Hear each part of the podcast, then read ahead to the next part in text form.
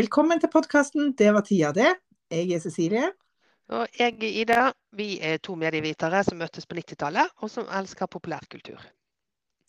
Nå ser vi gamle favoritter om igjen, og i dag er det tid for The Big Chill fra 1983. Ja Regissert av eh, Lawrence Castan. Har du noe forhold til han, eller? Nei, jeg måtte jo google han litt, og da viste Ja. det seg at han hadde skrevet både The Empire Strikes Back og Raid Raiders Ja. of the Lost Ark og sånn. Det er jo, det er jo helt sånn utippet sånn sjangermessig. Ja, det, er litt det er jo et familiedrama, det òg, på sitt vis. Men ja, det er veldig overraskende. Og, eh, og å si, 'Accidental Tourist' og 'Bodyguard' har han òg skrevet manus til. Så eh, han, har vært, eh, han har spredt seg tynt. ja, veldig. Han har ikke, han har ikke eh, regissert så mange filmer. Nei, her, dette føles jo veldig som om at dette er liksom hans liv. Ja, Eh, det gjør det. Og litt sånn drømmeprosjektet, eller det personlige prosjektet for han. Men det er gøy at han fortsetter å lage film med folkene i den filmen. Han lager 'French Kiss' med Kevin Klein. Eh, han lager 'Accidental Tourist' med eh, William Hurt. Og så lager han 'Wyatt Earp' med Kevin Costner, som jo ligger i kisten her i begynnelsen. Så det er som at han finner liksom castet sitt. Ja, han er, så- han er sånn som liker gjeng. Det er jo hele denne filmen et bevis bevis på. gjeng. Ja. Sånn er han. ja, har du noe Har du funnet et uh, IMDb? Eller Eh, Ja, det har jeg. Eh, Det er ganske kjedelig, altså. Syv Ja. tidligere collegevenner møtes eh, for en weekend etter begravelsen til en felles venn. Ja, det var ikke bare kjedelig, det var òg litt upresist. For den ene av de er jo ikke en gammel venn. Den ene av de er jo kjæresten hans. Men OK, det kan vi jo komme inn Ja. i. Det kan vi jo Ja. Jeg har jo gjort min, eh, min skandinaviske plikt og eh, googlet Å, det er eh, nydelig. ja. Det håpet jeg du hadde. Ja, få høre. Det er jo det, er det eneste jeg har som min lille superpower. Eh, på Mm. norsk heter denne filmen 'Gjenforeningen'. Det er jo eh, Døll Døllesen. Eh, og de er ikke noe bedre i Skandinavia, altså. På svensk heter den 'Människor imellom'. Ja, åh, nei, det var verre. Ja, det var enda verre, faktisk. Ja. Men jeg syns altså at igjen, Danmark tar kaka. Ikke overraskende. Så Der klart. Ja. heter det 'gensyn med vennene'. Det holder ikke. Så liksom gjenforeningen er på en eller annen måte kjedelig, men i hvert fall ikke Ja, ikke fornærmende.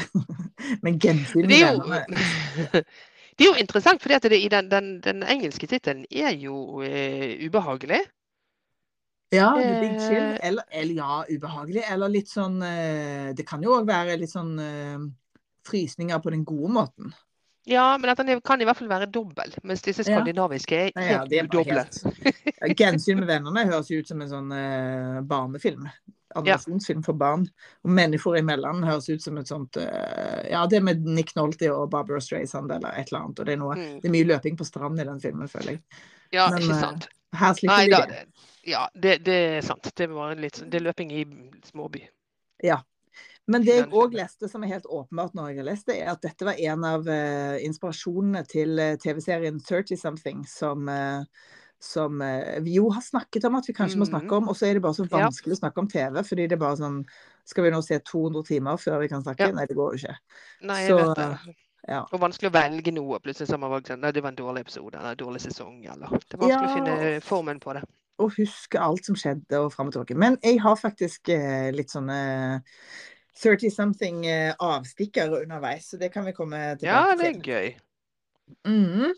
Jeg har et Ja. lite, uh, lite synopsis, uh, hvis du vil høre det, Å oh, selv. sorry, jeg hoppet over. Ja. uh, syv mennesker med ca. ingen problemer lider av eksistensiell angst. Heldigvis har de god musikk. det, var ditt, det var ditt eget synopsis. Det var mitt eget private. Ikke sant? Det er dette du bør gjøre. Det er det jeg har sagt hele tiden. Dette. Do quit your day job. Bli synopsisskriver.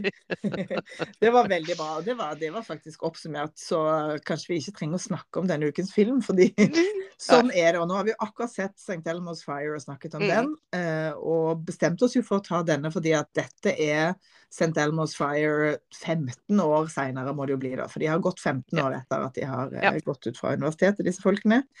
Eh, men det er jo litt eh, kanskje det òg er For vi er jo ikke 35 lenger, eller 37, eller hva de nå skal være. Vi er jo bitte litt eldre. så, så disse folkene føles òg veldig unge for meg. Men på en eller annen måte er jo alle veldig små barn når man setter lupen på dem, fordi vi er jo bare små mennesker. Ja, altså er det jo Det er klart de er jo voksne, eller i hvert fall Det, det ubehaget deres er vel at de skjønner ikke helt at de har blitt voksne, og hvordan skal man Ja. være voksen, og vi har ikke lyst til å være voksen, og alt det der. Ja. Som jo kan være sånn 30-årene ting, og så sitter man 20 år seinere og tenker åh, slutt, da. Ja. Det er mye Men det, det er interessant at de er jo For de er jo, de er jo mer likende enn den gjengen i St. Elmo's Fire, skal jo sies. Men det kan jo også ha med alderen å gjøre. Disse her kan jo ha vært akkurat like åndssvake 15 år før. Det vet Det får vi ta for gitt. Ja ja. Alle er åndssvake det. omsatt 20. For det er sånn gjeng, altså sånn gjeng som er blendet av sin egen gjenghet.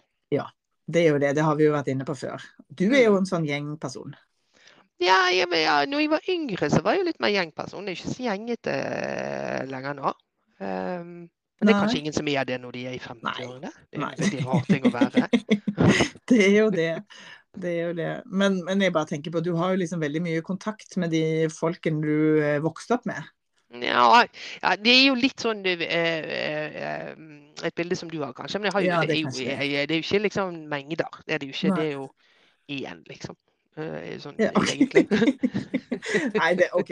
Vi Sånn har jo vært med årene. veldig, veldig lenge, så det Ja, kan det være det at det har endret seg i løpet av den tiden. Ja, Det er det. Jeg er alltid litt misunnelig på folk i gjeng, og så er jeg bare helt, altså jeg er helt ute av stand til å være i gjeng. Jeg klarer, ikke å jeg klarer ikke å stå og vente på bussen sammen med andre mennesker. Det blir for kollektivt for meg. Så det, det er noe der som jeg må ta et oppgjør med, Ja. tenker jeg. Men det blir ikke noe gjeng nå, Cecilie. Nå er du blitt for gammel. Det kommer ikke Vi, til å bli gjeng vi, nå. jeg føler at vi er en gjeng. Jo, vi er, vi er jo Eller, en slags eller kan gjeng. man en gjeng hvis vi er to? Ja, Hvor, hvor mange må det være for at det skal bli en gjeng? Det vet jeg faktisk ikke. Nei, altså Hvis man skal stole på disse filmene, så er jo sju det magiske tallet. da. Nå er jo sju Ja. et magisk tall på alle mulige måter, så det er vel Ikke derfor de ender opp med sju i begge disse filmene. Eh, antagelig. Det Ja. må være tre eller sju. Ja, vi får, vi får raske sammen fem til, og det kan jo ikke være så vanskelig. OK. Men i hvert fall, det er jo mange kjente folk i denne filmen. Veldig. Det er jo bra.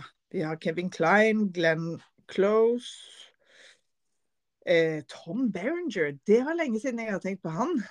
Ja, hvor ble han av? Jeg har ikke tenkt på han siden i det hele tatt. Han er jo en kjekkas. Det er han jo i denne filmen òg. Ja, i denne filmen er han jo veldig en kjekkas. Ja. Det er jo jobben hans. Og jeg må si at jeg ble helt sånn blendet av Glenn Close sin skjønnhet. Fordi jeg innser at på, på eh, 80-tallet så var vi så farget av eh, farlig begjær, eller hva heter den på engelsk, Fatal Attraction, Mm. som jo hadde henne som kaninkoker, at jeg har helt glemt hvor utrolig vakker hun er.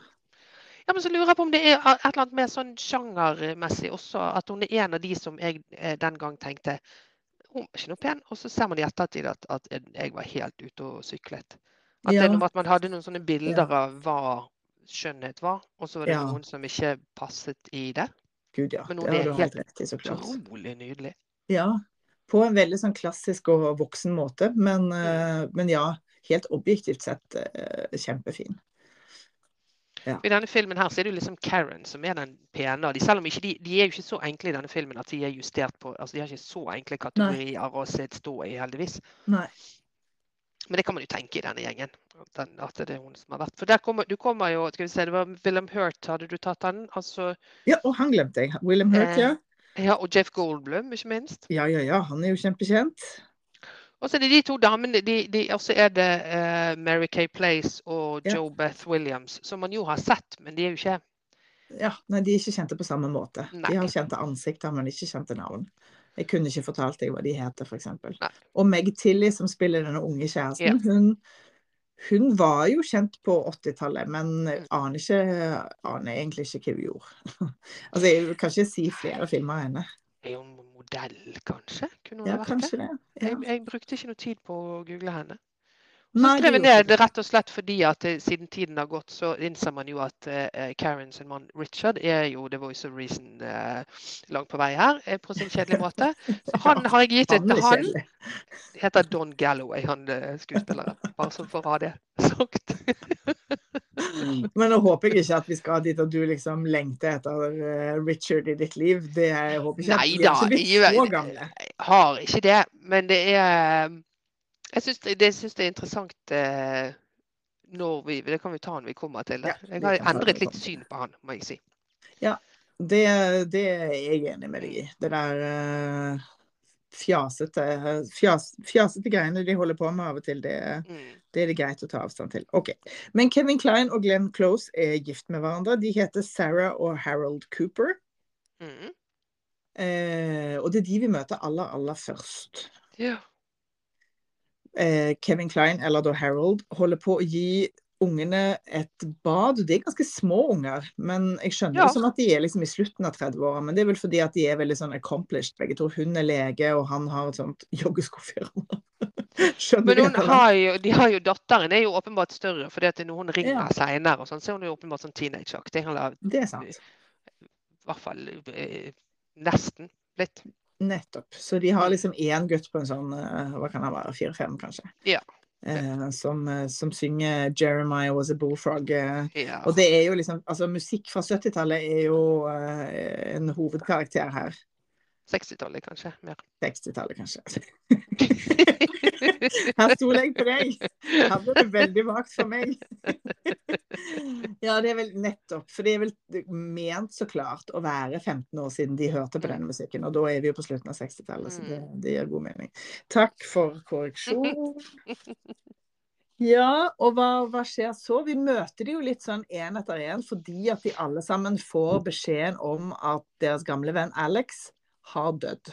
Ja, og dette syns jeg er veldig pent gjort. fordi at eh, når, når, I det badet der når han sitter med barna, så ser vi at eh, altså Sarah, hans kone, eh, Glenn Close, eh, tar en telefon. og eh, Hun er jo en nydelig skuespiller, så man kan jo bare se på henne med ryggen til at det, er en- det er en ubehagelig beskjed. Hun er, her, hun er Ja. god, altså. Hun er kjempe... Eh, og så sier hun ingenting, hun kommer inn og så ser på han. Og så går vi over i 'Heard it through the grapevine'. Ja. Eh, og den bare ligger og går og går og går mens vi bytter mellom bilder der en mann blir påkledd eller kler på seg. Det er lenge, man er jo ikke helt sikker på det. Eh, skjønner etter hvert at han blir påkledd. Også disse vennene som, fra, som får denne beskjeden uten at noen ting blir sagt, og reagerer og er på vei Beveger seg fra der de er, til da det som viser seg å bli da selvfølgelig begravelsen til Alex. Men ingenting er jo sagt Nei. før de er utenfor kirken der. Ja. Det er veldig pent gjort. Og det er Ja. også en sånn eh, nano, nanosekund, eller det er vel et par sekunder, der de trekker opp eh, skjorteermet på dette liket der du ser tre streker, der Ja. han åpenbart har tatt livet sitt. Så det, det er effektivt. eh, effektivt. er veldig effektivt. Og så er jo alle karakterene satt utrolig effektivt. Unnskyld meg. I de eh, sekundene de får i den introen der til Ja. det, altså det er jo enkelt gjort, men det er veldig effektivt på hvem de er. ikke sant? Der hun eh, nå, nå har jeg allerede glemt hva hun heter for noen ting. Eh, hun eh, advokaten. Hun heter Meg. Meg, takk. Eh, eh, ikke sant, som har stresskoffert og Ja. et sånt stort hjørnekontor og røyker på kontor. Så klart. Dette er jo nok en film der det røykes overalt. Ja. og, og Jave Goldblum har mye, det er mye sånn papirer og bøker og roter. er liksom Alle sammen er så enkelt satt opp. Ja. Og Karen som er husmoren som sitter hjemme på et veldig sånn ryddig kjøkken og har det som for meg den gangen var ekstremt eksotisk, har to ovner. Det er mulig at den ene er Ja. mikro, men selv det er ekstremt eh, For hvis noen hadde mikro den gangen, så var det en sånn dum som sto oppå et skap. ja, en sånn liten løs så- en. Ja, men sånn innebygd to ovner, det var Ja. ekstremt Amerika, altså. Ja, det syns jeg egentlig at det er i dag òg, fordi at det er sånn man er jo liksom flyktig innom den tanken når man driver og pusser opp kjøkken og er sånn Det er klart jeg må ha både pyrolys og damp, men, men hvem tre Altså når i all verden? Ja, punktum. Jeg liker jo å lage mat, det er jo ikke det, men altså, jeg har jo sjelden to steiker på gang samtidig. Det er kun hvis man skal lage eh, sånne eh, roast potatoes og Yorkshire puddings samtidig. Ja, Så man skal inn og ut og opp og uh, fram Ja, og tilbake. forskjellige varme, og du kan ikke åpne døren mens ting pågår. og sånn. Da Ja. begynner det å bli avansert. Ja. Men det er den eneste anledningen, og det er jo ikke hver jul engang. Så det er jo Nei, det mye det. for lite. Nå fikk jeg veldig lyst på roast potatoes og juksepudding. det må jeg lage i påsken.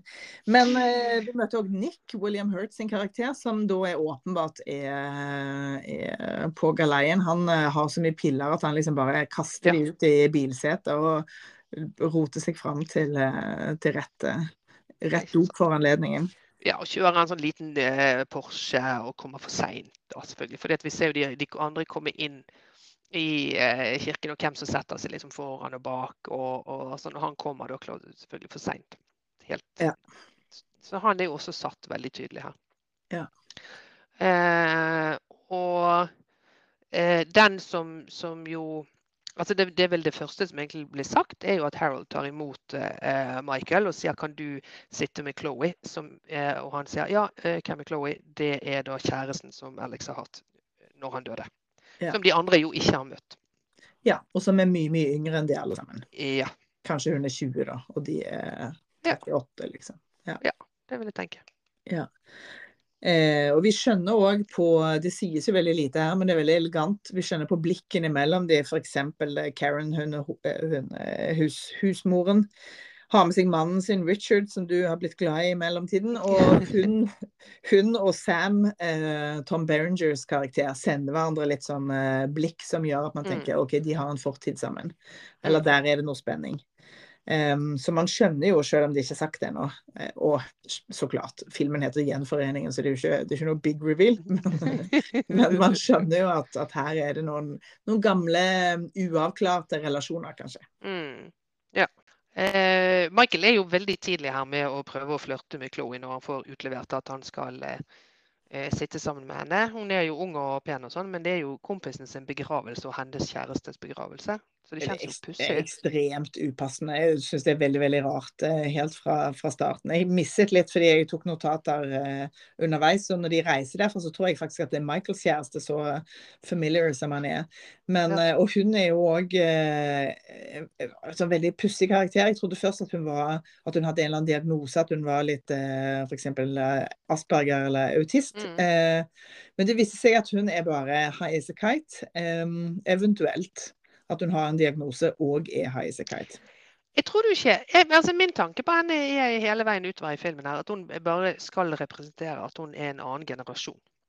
At hun ja. forstår ikke greien deres. Ja, ja, i forhold til de, ja. Absolutt. Mm. Så på den måten er hun av, avskrudd. Men hun, vi er jo tross alt i begravelsen til kjæresten hennes. De har ikke vært sammen lenge, de har vært sammen i fire måneder. Mm. Men, men hun, hun, er jo liksom påtagelig uten sorgreaksjon. Eh, og, og, det er jo ikke en generasjonsting, tenker jeg. Det er jo liksom mer, mer basalt. Men, at, Men det, alt det de holder på med, det, det, der er hun jo en uh, velsignet uh, avbrekk fra. Ja, fordi at denne rusbruken er jo ganske sånn jevnt fordelt i, ja. i, denne filmen. Det får man si. Rus også, har jo òg en hovedrolle på et, på et litt sånn utdatert måte. Det er liksom sånn mm. så, så tabu er det vel ikke lenger. Men det er vel kanskje det, da. At det på en måte er at de er sånne streitinger. Sant? Så rusen blir et slags tegn på at nå tar de en pause fra, fra ja. livet. Uh, ja, i hvert fall for noen av de. Jeg tror, jeg tror, altså, jeg tror både Michael og altså Nick vet jo er, er en dopdealer ganske tidlig her. Eh, Michael tviler jeg på ikke er noe rus. Ja, vi får se. De er sånn 60-tallsfolk. Det, helt, det, det, det kan være hva som helst. Ja, altså når, når, de var på St. Elmo's Fire-stadiet, så var det jo i 1968. sant? Så det er helt, eh, det er jo helt uh, legitimt å tenke seg at rus var en stor del av deres uh, college-opplevelse mm. da, og mm. kanskje ikke er det for alle nå. Ikke sant? Ja. Uh, og det som jo kanskje skal, altså det de bygger opp her, og det, det for å gå ut av filmens univers litt, så er jo grunnen til at Kevin Costner jo da kun er like uten ansikt her, ja. er jo fordi de var jo spilt inn ti minutter med han. Ja. Eh, som de bare klippet bort. Fordi at for å bygge han opp til å være dette fantastiske mennesket som alle savner, som alle var nært, og som eh, eh, Harold sier i begravelsen i sin tale, så sier han at eh, det var han som brakte oss sammen, og nå bringer oss sammen igjen, og han var helt spesiell. Og alle sier gjentar hele tiden at han var helt spesiell. Og da ble avgjørelsen at uansett hva du gjør med den karakteren, da, så faller det. Så det ja. ikke, ikke an å ha det. Men eh, han holder i hvert fall en tale der og gråter. og ja, jeg tenker at det er en god beslutning, fordi at det, som mm. du sier, det er jo så mesterlig fortalt at uh, mm. det er mye, mye bedre måte å komme inn i historien på. Ja. ja.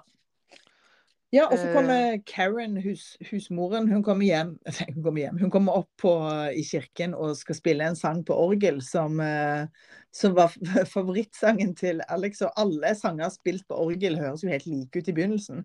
Eh, men veldig raskt så hører vi at det er eh, Eller teksten går i hvert fall 'You can't always get what you want'. Jeg vet ikke om det er tittelen på sangen òg? Eh, jo. jo. Det er det vel. Ja. Mm. Det er jo en eh, Det blir jo en litt sånn quirky scene på et eller annet vis. fordi at det er Og igjen, da, denne, denne generasjonen. sant, Det er liksom babyboomers. De er født sånn på, på 40-tallet. Mm. Eh, eller kanskje tidlig 50-tall. Seint 40-tall, tidlig 50-tall. Eh, de er jo på en eller annen måte i opposisjon til det mm det etablerte. Det er jo den generasjonens eh, selvoppfatning, i hvert fall. Så den eh, kontrasten mellom orgelet og, og populærmusikken blir jo òg en slags eh, historie om hvem de er. Absolutt. Uh, ja, og så er det Før de drar hjem, for det, er selvfølgelig hjemme hos uh, Sarah og, og Harold at de skal ha sånn reception, men før det utenfor der så hilser han Richard, han mannen til Karen, på de andre og er veldig sånn klønete og er sånn støvfrakk. Men han er jo egentlig, selv om han er like gammel som de, så er han liksom en generasjon før. Han, ja. han er sånn eh, lå i skyttergravene eh, første verdenskrig. han, han, kunne vært det òg. Nei, men han er, ja. men han, han er en sånn eh, Kanskje blir sånn Okinawa mer. Ja. Eh, han, er, han, er, den generasjonen før. Ja, Men tror du ikke han er litt eldre enn Karen? Det ville jo vært veldig tradisjonelt og enkelt å anta. Jo, kanskje litt, men jeg, jeg tenker bare mer at han er bare en helt annen type, liksom. Ja, det er sant. Uh, men det er jo òg rart med sånne generasjonsbrudd som 68 var. Det skal ikke mer enn fem år til hit Nei. eller dit, så er man plutselig vips i en annen generasjon. Sant? For det er sånn paradigmeskifte. Ja, Men ja, han er, han, er, han er et annet sted. Han er veldig et annet sted. Og er så, hun er så flau over han. Og nå ja. kommer hun her og skal møte de kule vennene sine, og så hun, drar hun rundt på sånn støvfrakkmann. Ja. Det er, jo ikke, eh, så, det er jo ikke så sympatisk å ikke stå Nei. for valget man har tatt. Nei, det er ikke det, altså. Jeg tenker men, men. det er det ikke. Vi har alle vært der. ja. Og så reiser de jo da Først så reiser de til sånn eh, kistenedsenkning. Eh, og så reiser de etter hvert hjem til Harold og Sarah som har denne reception. Fordi mm. at Alex og Chloé har da bodd i deres feriehus, er det vel kanskje? Eller en slags hytte? Ja, altså Eller vice versa. De, de, har jo det, jeg tror det er et feriehus, men de har jo så himla mye penger. fordi at det kommer jo opp, fordi han har jo drept seg på ett av badene i andre etasje, for det første, Alex. Ekstremt usolidarisk når du låner huset til noen. Det er det absolutt. Og i tillegg så, så er det jo en av Sam Det er noen som spør om liksom, hva, hva dere, hvor var dere. We were, we were at the Richmond House. Som jo ja. også tyder på liksom De har mer enn de to, ja, ja. Det, det, høres ut som en liste, det der, ja. Det, ja, det var ikke The Other Place, liksom. Det var én av fem. Ja. ja. Så, men i alle fall så er det det er helt enig med deg, det er veldig usolidarisk. Og, og liksom, det er jo som Chloé også påpeker senere, at det blir veldig mye gris. Ja. Men, sier hun helt deadpan, det har vi Nei, det går mye bedre nå for det. Nå har vi ryddet opp krise. Ja. ja hun, er, hun, er, jo, som flere kommenterer, stein på dette tidspunktet, så, mm. så det forklarer det. Men uh, de er jo liksom forskjellige steder i livet. Han Michael han uh, er journalist. Litt sånn populærjournalist. Jobber for uh, People Magazine. Men har en sånn fiks idé om at han skal åpne en klubb fordi Elaines er dødt. Ja. Um, og det regner jeg jo med er Elaines i New York, som er liksom Woody Allens både stamsted og, og figurerer i, i filmene hans. Og der har jeg faktisk vært. Jeg òg har vært der. Ja, nemlig. Mm. Eh, med vil bare si, for dette er liksom eh, gøyalt, at jeg var der med din, eh, din Kevin eks-samboer. og det var faktisk den middagen som For jeg var helt tom for penger. Det var på siste middagen på den studieturen, så jeg var nødt til å låne penger av han. Jeg. Så det var de pengene jeg skulle ha tilbake når jeg traff han der på Så for, for folk som ja, ja. Dette er jo info for folk som følger oss nitisk. Og lytter på pod-episodene flere ganger. Og de regner med at vi har mange av de fansene. okay, sorry, det var en avsporing. Men ja, han skal det. Han Sam viser det seg at han spiller en sånn slags MacGyver-aktig, eller kanskje Ja, Magnum, Men, eh, kanskje. Ja. Ja. Eh, at, eh, at han er Som han også er flau over. Han syns det er veldig ubehagelig å ha denne rollen, men han er jo en sånn der hot eh, superstar-fyr på TV. Ja, ja. Eh, og Michael har vi der, så har vi han sko, skoselgeren og, og Sarah er lege. Og så er det Meg som er da sånn advokat, og, og eh, Karen, som er, unnskyld, Karen som er hjemme. Ja, og hun, vi hun ville bli eh, skribent eller forfatter, skjønner man etter hvert. Men hun, hun har liksom gitt opp det for familien sin. Ja, ja, det sier hun. Men kom igjen. ja, ja. Nei, men jeg bare sier sånn. Dette påstår hun. Dette er hennes selvbilde. Ja, så dette er jo da gjengen. ikke sant? Og så går de gjennom denne her eh, reception, alle andre drar. Men disse vennene da, Chloé bor jo i huset der fremdeles, eh, i det rommet hun delte med Alex. Eh, og de andre eh, bestemmer seg for å bli over helgen. Og få det til. Og den første natten som er, så er eh, mannen til Karen der, og så drar han. Så da er de liksom i kjernegruppen med Chloé som et sånn rart lite vedheng. Ja. Um, og her uh, uh, går de jo inn i noen sånne litt sånne fine scener, altså, syns jeg. Ja. Det altså, det er jo det, er jo, det er som du sier, Glenn Close er jo en fantastisk skuespillerinne. Og, og eh, her er det jo òg skrevet helt, eh, helt fantastisk. Vi ser, vi ser Glenn Close, altså eh, Sarah, i en dusjscene der hun gråter og gråter. Og man skjønner umiddelbart at hun var forelska i Alex. Det er derfor hun er ekstra, ekstra trist. Eh, uten at et ord trenger å, å ytres. Ja, det kan jo også hende at det liksom helt alvorlig talt. Nå har jeg drevet og dealt med hele denne begravelsen, hatt huset fullt av folk, og så skal de faen ikke dra engang.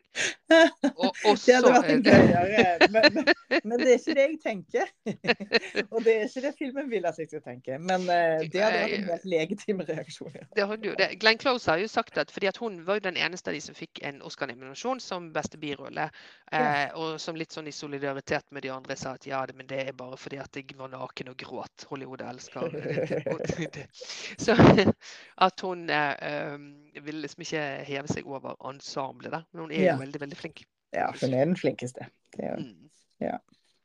Og, og her driver de og eh, holder på. Eh, og blant annet har de en sånn scene der eh, Karen og eh, Sarah bytter på senger, for dette skal jo bo folk i alle, og i på barnerommene og sånt.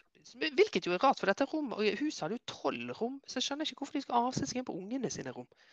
Eh, men OK. Det Nei, men de er jo en hel gjeng, da, så det er jo liksom Man trenger vel kanskje alle, alle gjesterommene. Hadde de Ja. tolv soverom, altså? Ja, det ble, ble sagt på et Det ble sagt. OK. Ja. Ja, Så ja. stort er jo det huset heller ikke. Ja, ja, det er, det er Det er kanskje sånn Harry Potter-aktig sånn under trappen. Vet ikke. Det er mulig, de er i hvert fall inne på barnerommet. Men i hvert fall de driver også og bytter eh, på senger sammen. Og så, sier, så driver Karen og sutrer over at hun får aldri, får aldri være alene. Enten er Richard der, eller så er ungene der, eller så er, er hushjelpen der. Nei, ikke Ja. hushjelp engang. Så de kan, kan man kalle housekeeper. Det er vel liksom, Ja. Da har du enda mer enn hushjelp. Husholderske, liksom. Ja, takk. Det er det det heter. Stakkars Karen.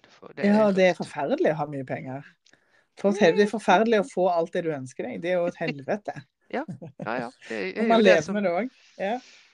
Sånn er det. Så, de- så de, for de driver jo her den første kvelden og liksom jobber seg inn på hverandre igjen. fordi det som er helt Ja. sånn åpenbart, er jo at ikke de har hatt sånn supermye kontakt i disse årene. Ja. Eh, Harold og, og Sarah, Sarah er selvfølgelig gift og har hatt mye kontakt med Alex. Da. Deriblant kommer det også fram at Sarah har hatt et forhold til Alex, Nettopp.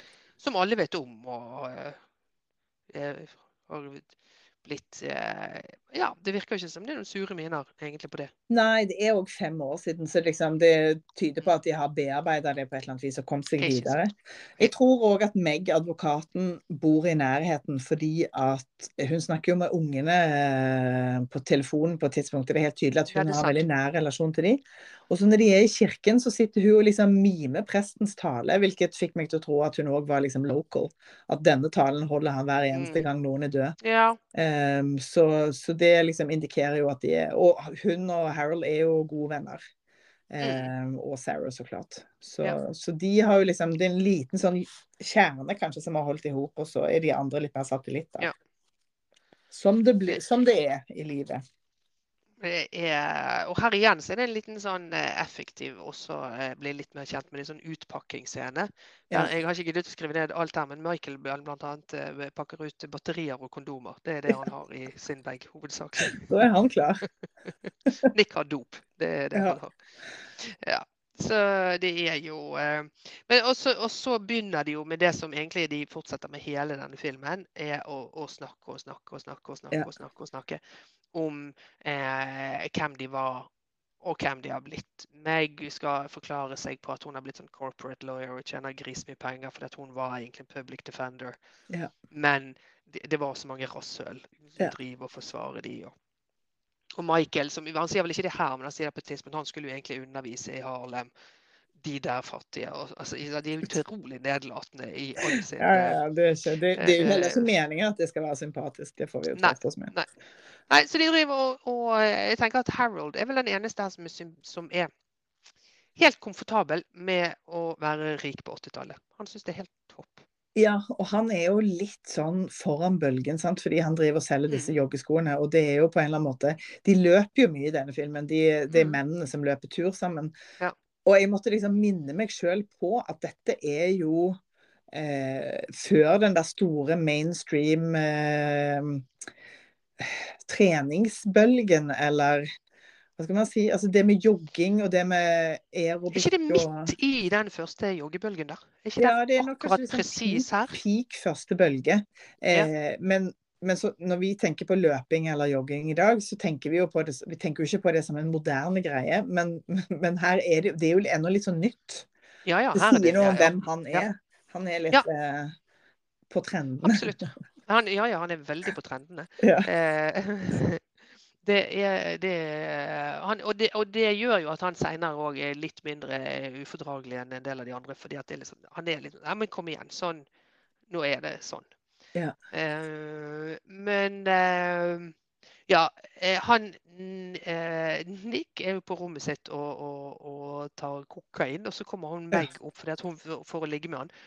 Eh, som han avviser fordi at han har fått en krigsskade i Vietnam og eh, har blitt impotent. Dette er jo Hemingway eh, på kjedeligste vis. Det er den Ja. absolutt verste Hemingboken jeg vet om, er den med han som også Han har jo blitt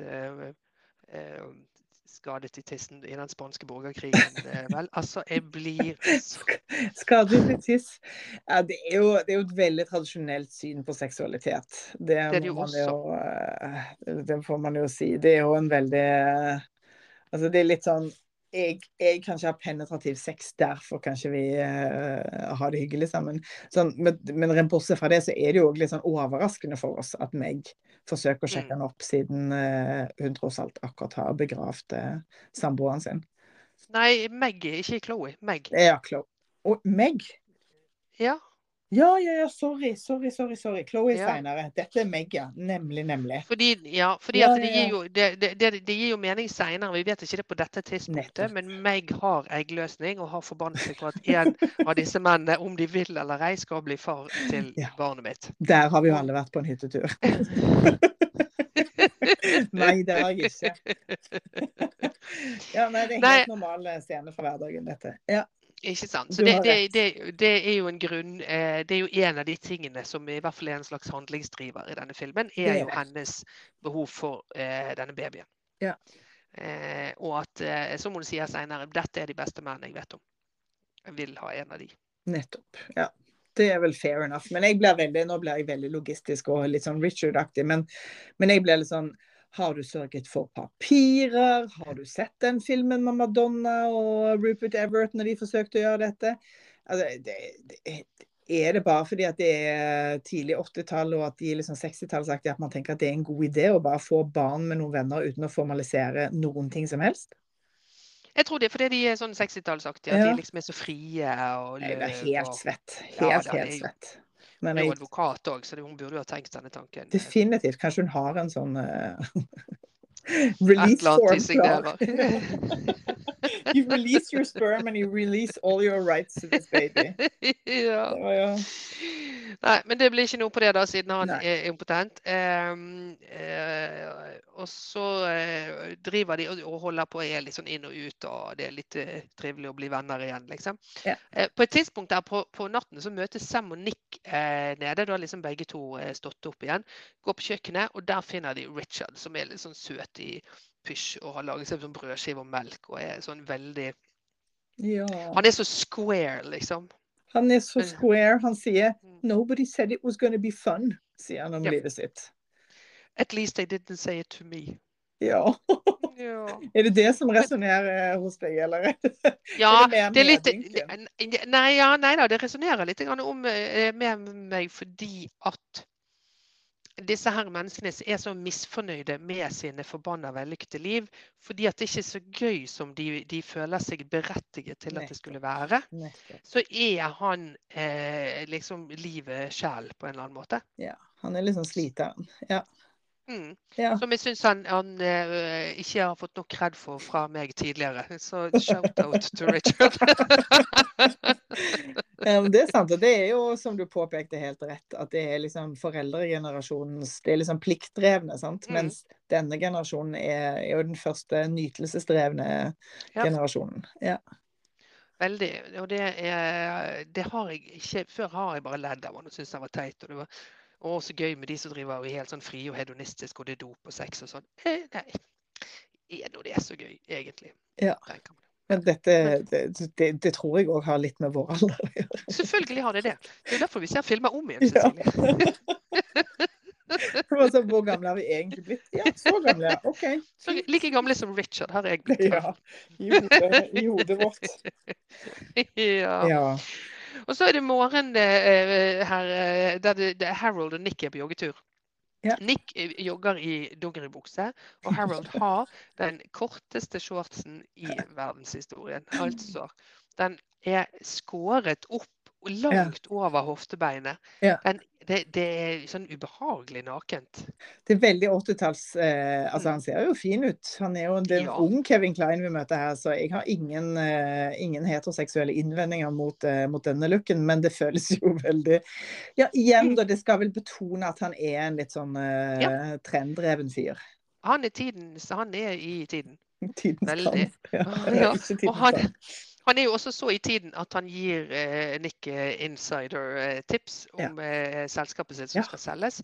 Sj- Sjukt ulovlig. Ja, det er veldig 80-tallsaktig, tenker jeg. Ja. Det, er det, er ikke, det er ikke noe som forsvant med 80-tallet, men jeg tenker at for denne gjengen her, altså det at han har sånn business-hode, han driver så god business at han kan selge. De andre er jo ansatte mennesker, unntatt Ja. Nick, som driver med dop. Som, som, så Harolds rasjonale her er jo at Nick skal slutte å selge dop. Ja. Han skal, hvis, hvis han får nok penger, så kan han drive med noe annet. Ja. Um, men ja, han er definitivt en 80-tallets mann. Ja. Det er han. Hygg, hyggelig, da. Han er jo søt og hyggelig, men han gjør jo griseulovlige ting her. Ja, og litt sånn clueless først frem, fremst, tenker jeg. Det, er han er jo ikke, han er ikke ondsinna, men, eh, men ja, litt sånn selvsentrert type. Veldig. Ja. Ja, og han sier som, som i en eh, anmeldelse jeg leste som jeg tenker gir mening, er at med den generasjonens eh, sånn entitlement på at de er, fordi at de oppfatter seg så sjøl som så gode. Ja. Det vi mener er det gode, uansett hva vi mener. Så, fordi at han, sier, han påpeker jo også sjøl at det jeg sier nå, bryter 16 lover. Ja, ja. Eh, så han vet jo det. Men for det er fordi at jeg gjør det, så, Ja. så er det likevel en god handling. Ja. Som jeg tror er godt tenkt. Godt ment, i hvert fall. Ja, eller godt tenkt av den anmelderen, tenkte jeg. At uh, oh, ja, ja, sånn, det er det som altså, det er, det er også en sånn Trodde du tydelig av han. Nei, det vil jeg ikke være med på. Skjønner. Uh, Hvor er vi hen? Ja, nei, Richard har reist hjem. Mm, Og så er det liksom metagreier, fordi Nick finner et kamera, altså dopdealeren Nick, finner et kamera og lager et intervju med seg sjøl, mens Chloé sitter i trappen og, og hører på, og blir tydelig Mm. av han. Eh, det er jo litt, litt sånn eh, metanivå i filmen. Litt sex lies and videotapes òg, fordi senere, på senere eh, likt, lignende tidspunkt De bruker jo det her kameraet, flere av de. Eh, så ja, så fremstår det veldig likt som Sex Lies and Videotapes. Jeg husker ikke helt hvem som er med i den scenen. Det kommer vi nok til seinere. Um, mm. Mm. uh, De har, eh, og derfor, Det er jo òg en veldig sånn effektiv eh, fortelling av eh, han og hans liv. Og, og liksom, At han har ikke funnet seg til rette verken her eller der, og nå deler han det opp. Um, Han er jo de psykolog. Ja. Han er psykolog ja. opprinnelig. Eh, og Chloé skal det vise seg etter hvert har et litt sånn eh, fan-crush på han, fordi at hun Ja. hørte han på radioen når hun var bitte liten, eller når hun var ungdom, da, hjemme hos foreldrene. Det er kanskje bare fem år siden, fordi da, da var hun Mm. 15. Eh, og så sa han litt sånn eh, smarte ting som hun syntes var Mm. fantastisk, og nå cringer han verre ved, ved referanse til disse tingene han har sagt. Ja. Men eh, han har da liksom Han har gjort Han har slått opp med sitt tidligere liv og sin tidligere, sine tidligere ambisjoner, kan man si. ja, at meningsløsheten traff han Ja. fullstendig. Ja. Uh, det er nok en sånn Chloé-scene her. Der, for det, de har, det viser seg at Alex eh, har kjøpt et, eh, et feriehus i nærheten som skal pusses opp, så han og Chloé, Chloé egentlig holdt på med. Ja. Det var derfor de bodde hos Mm. Sarah Harold. Og så Ja. de drar dit eh, eh, de guttene og Chloé, og så sitter hun i baksetet og helt randomly sier Alex og jeg hadde sex natten før han døde. Det var helt fantastisk. Mm. Som er jo òg Det er ikke så rart at du tenker litt sånn asperger. Nei, Eh, takk. Takk for det. Jeg vet ikke hva slags dop som gir deg eh, sosial Tourettes, men eh, Jeg tror hun bare er sånn. Hun er vel ment å være Altså hun, hun er ung og er helt uten eh, ja. liksom alt det som binder de, da. Jeg vet ikke. ja, jeg vet heller ikke Det er jo litt sånn Det betyr jo ingenting det hun sier heller. Ja, hva med det? Liksom, det var jo ikke så rart at de hadde sex, på en måte. De var jo kjærester. Uh, men var det som en kontrast til at han så sto opp og tok livet sitt dagen etter? Jeg vet ikke. Nei, det virker ikke som det er sånn hun mener det. Bare Bare informasjon. by the way. Ja. Mm. Nå skal dere høre. Ja. Nei, jeg vet ikke. Nei. Samtidig som de er av gårde der, så kommer da hele denne samtalen Ja. om meg som er så misfornøyd med alle hun dater. Og eh, det er ikke mulig å treffe en mann, og, og eh, hun vil ha det barnet, og hun vil ha det med en av de. Denne helgen er perfekt. Nettopp. Og her må jeg bare si at hun forteller jo til, eh, til Sarah Glenn Close sin karakter Mm. mens de står og tilbereder en kalkun. Ja. Og nå blir jeg veldig sånn logistisk igjen. Men det er sånn, Mm. OK. Kan jo være at de hadde den kalkunen på frysen, men det å tine en kalkun tar jo mange, mange dager. Hadde de, Ja. Og de hadde jo ikke det hadde de kjøpt en fersk kalkun for å lage, men de visste jo ikke at de skulle ha besøk av så mange folk. Du lager jo ikke en kalkun til herr og fru eh, USA på lørdagskvelden.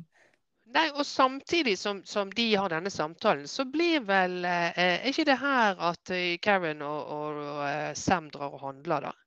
Fordi at eh, Sarah driver jo tidligere der og ser i kjøleskapet, åpenbart sånn handlelisteaktig. Ja, det tror jeg det- dagen etter. For det er da de, Ja, det er da de eh, tar med seg Ja. sånn kinamat. Så åpenbart så klarer de å spise opp hele kalkunen da. For de har ingen rester igjen til dagen etter. OK. Ja. Nei, det er mystisk. Det er klart Ja, at det er, det er rart. Det må man si. Eh, og så eh, skal jo her på et tidspunkt alle få joggesko. Så alle blir spurt om størrelsen sin av Harold, som skal få alle med seg inn i 80-tallet. Ja. Eh. Som skal skaffe de joggesko. Først så trodde jeg at dette var For det er jo Adidas-sko, og jeg trodde først at det var de yndlingsskoene dine, men det er det ikke. Det er mer sånn joggeskoaktige Adidas-sko. Ikke hva heter de dine som Ja ja, det er joggesko, jo. ja. Men hva heter de, De, som du pleier å gå i? eh, heter ikke de Superstar? OK. Wow. Mm. Ja. Selvfølgelig. Eh, Selvfølgelig. Men de kommer kanskje seinere på 80-tallet. Ja, nei, det, de, de fantes nok da, altså. Ja. Det, vil jeg, det vil jeg nesten tro. Men jeg har Jo, det gjorde de faktisk. Å Ja. gud, nå, å, nå kom det skyldende noe skam over meg her. Fordi jeg husker at jeg ville ha sånne. Og så kom mor mi hjem med en sånn kjip Skoringen-kopi. Som oh, hun hadde nei. kjøpt. Ja, med skoringen-logo på den der lille flappen. Nei. Og jeg var sånn, det er ikke de samme. Og mor mi var sånn, jo, se, de er helt like. Og så måtte jeg liksom eh, skjule den der skoringen-logoen for meg. uff a meg. Oh. Videre, videre i filmen, sier jeg. Ja, uff a meg. Eh, nei, det, ja, så har de spist middag sammen rundt et veldig stort eh, og fancy mahognibord. Ja. Eh, der det kommer helt sånn random sånn diss av folk som spiller TV-spill. Ja, ja. Men det er vel fordi at de er gamle, liksom. På dette tidspunktet. TV-spill er jo veldig, veldig nytt. Ja, Sånn i ja, mainstream-kulturen. Ja, men det var vel det at det var Jeg tenker jo mer at det var sånn Herregud, sitter ikke du og leser eh, poesi om kvelden? Ja. Og sånn. Ja. Mer enn at det er Ja, Nei, eh, og så eh, er det jo igjen en sånn I hate to think it was old fashion. Er de tilbake med det at de var revolusjonære, det at de var eh, det de var i den generasjonen, var det bare en fase, liksom. Og så driver jo de og hevder litt sånn opp og ned og varierende seg imellom om det var det eller ikke var det. Ehm, og mm, jeg skjønner jo at i den generasjonen der, altså, med, altså 68 som er så magnetisk et år, så hvis du har Mm. vært der og med på det, og til og med på college, og du liksom er midt i Og de, de sier jo også på et tidspunkt at eh, de var med på The Walk on Washington og sånn. Eh, så, og det, det er noen eh, henvisninger til eh, eh, Black Panthers og sånn. Så jeg tenker at de, de Det er ikke så rart at det er vanskelig å slippe for dem. Eh, Nei. men man tenker jo at de er patetiske som ikke skjønner at eh, ja, det er klart at det var en trend. Det har gått 15 år. Eh, og dere tjener grisemye penger og er opptatt med mat. Dere, du- Vær revolusjonær, da. Ja. Ja, Det, dessverre. Dette er jo veldig veldig tidlig, selvfølgelig. Det er jo 30 år siden. Men eh, i år, faktisk. Men når man har levd i de 30-årene, så er man jo så lei av denne generasjonens selvbilde. Og nettopp det der at de har alle sjefsstillinger i hele verden, og det eneste de gjør, er å liksom bare bygge på hytta si. Jeg må bare lekke- rekke opp hånden og si at det er 40 år siden. Å nei! Å nei! Jeg kan ikke regne! Du har helt rett. Det er 40 år siden. Mm. Herregud, ja, selvfølgelig er det det. OK. Mm. Nei, men det, det, ja da, det er klart at de, og de er jo fremdeles liksom unge. I den store sammenhengen så er jo de fremdeles unge og eh, kan kjenne på den der eh, Men, men eh, for de har glippet for det. ikke sant? Ungdommen har glippet, idealene har glippet, og livet har bare gått, og de har liksom gått inn i suksessfulle yrker, og det er ingen av de som gjør det de hadde tenkt de skulle gjøre.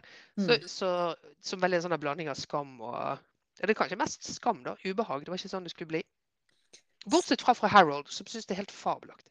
Ja, han, han syns ikke at det var bedre før. Nei, det er skam Nei. og selvmedlidenhet. Og sistnevnte er jo mest ukledelig, får man vel si. Skam, sånn En god dose skam kan jeg godt føle empati Ja. for, men selvmedlidenhet, det, det er bare stygt å se på. Ja, det er vanskelig. Jeg syns Ja. det er vanskelig. Eh, altså på et tidspunkt der Dette er er, faktisk veldig gøy. altså fordi at nå, nå, eh, også, nå er det Sam hun har valgt ut som sin utvalgte. Ja, ja. Eh, så, så hun går på, eh, på rommet hans og, eh, og så, så presenterer dette for han eh, som han eh, sier nei til. Men hun bruker argumentet Altså at, at hun vil ha barnet hans. Ja. ja. Eh, og så sier hun But you got good genes.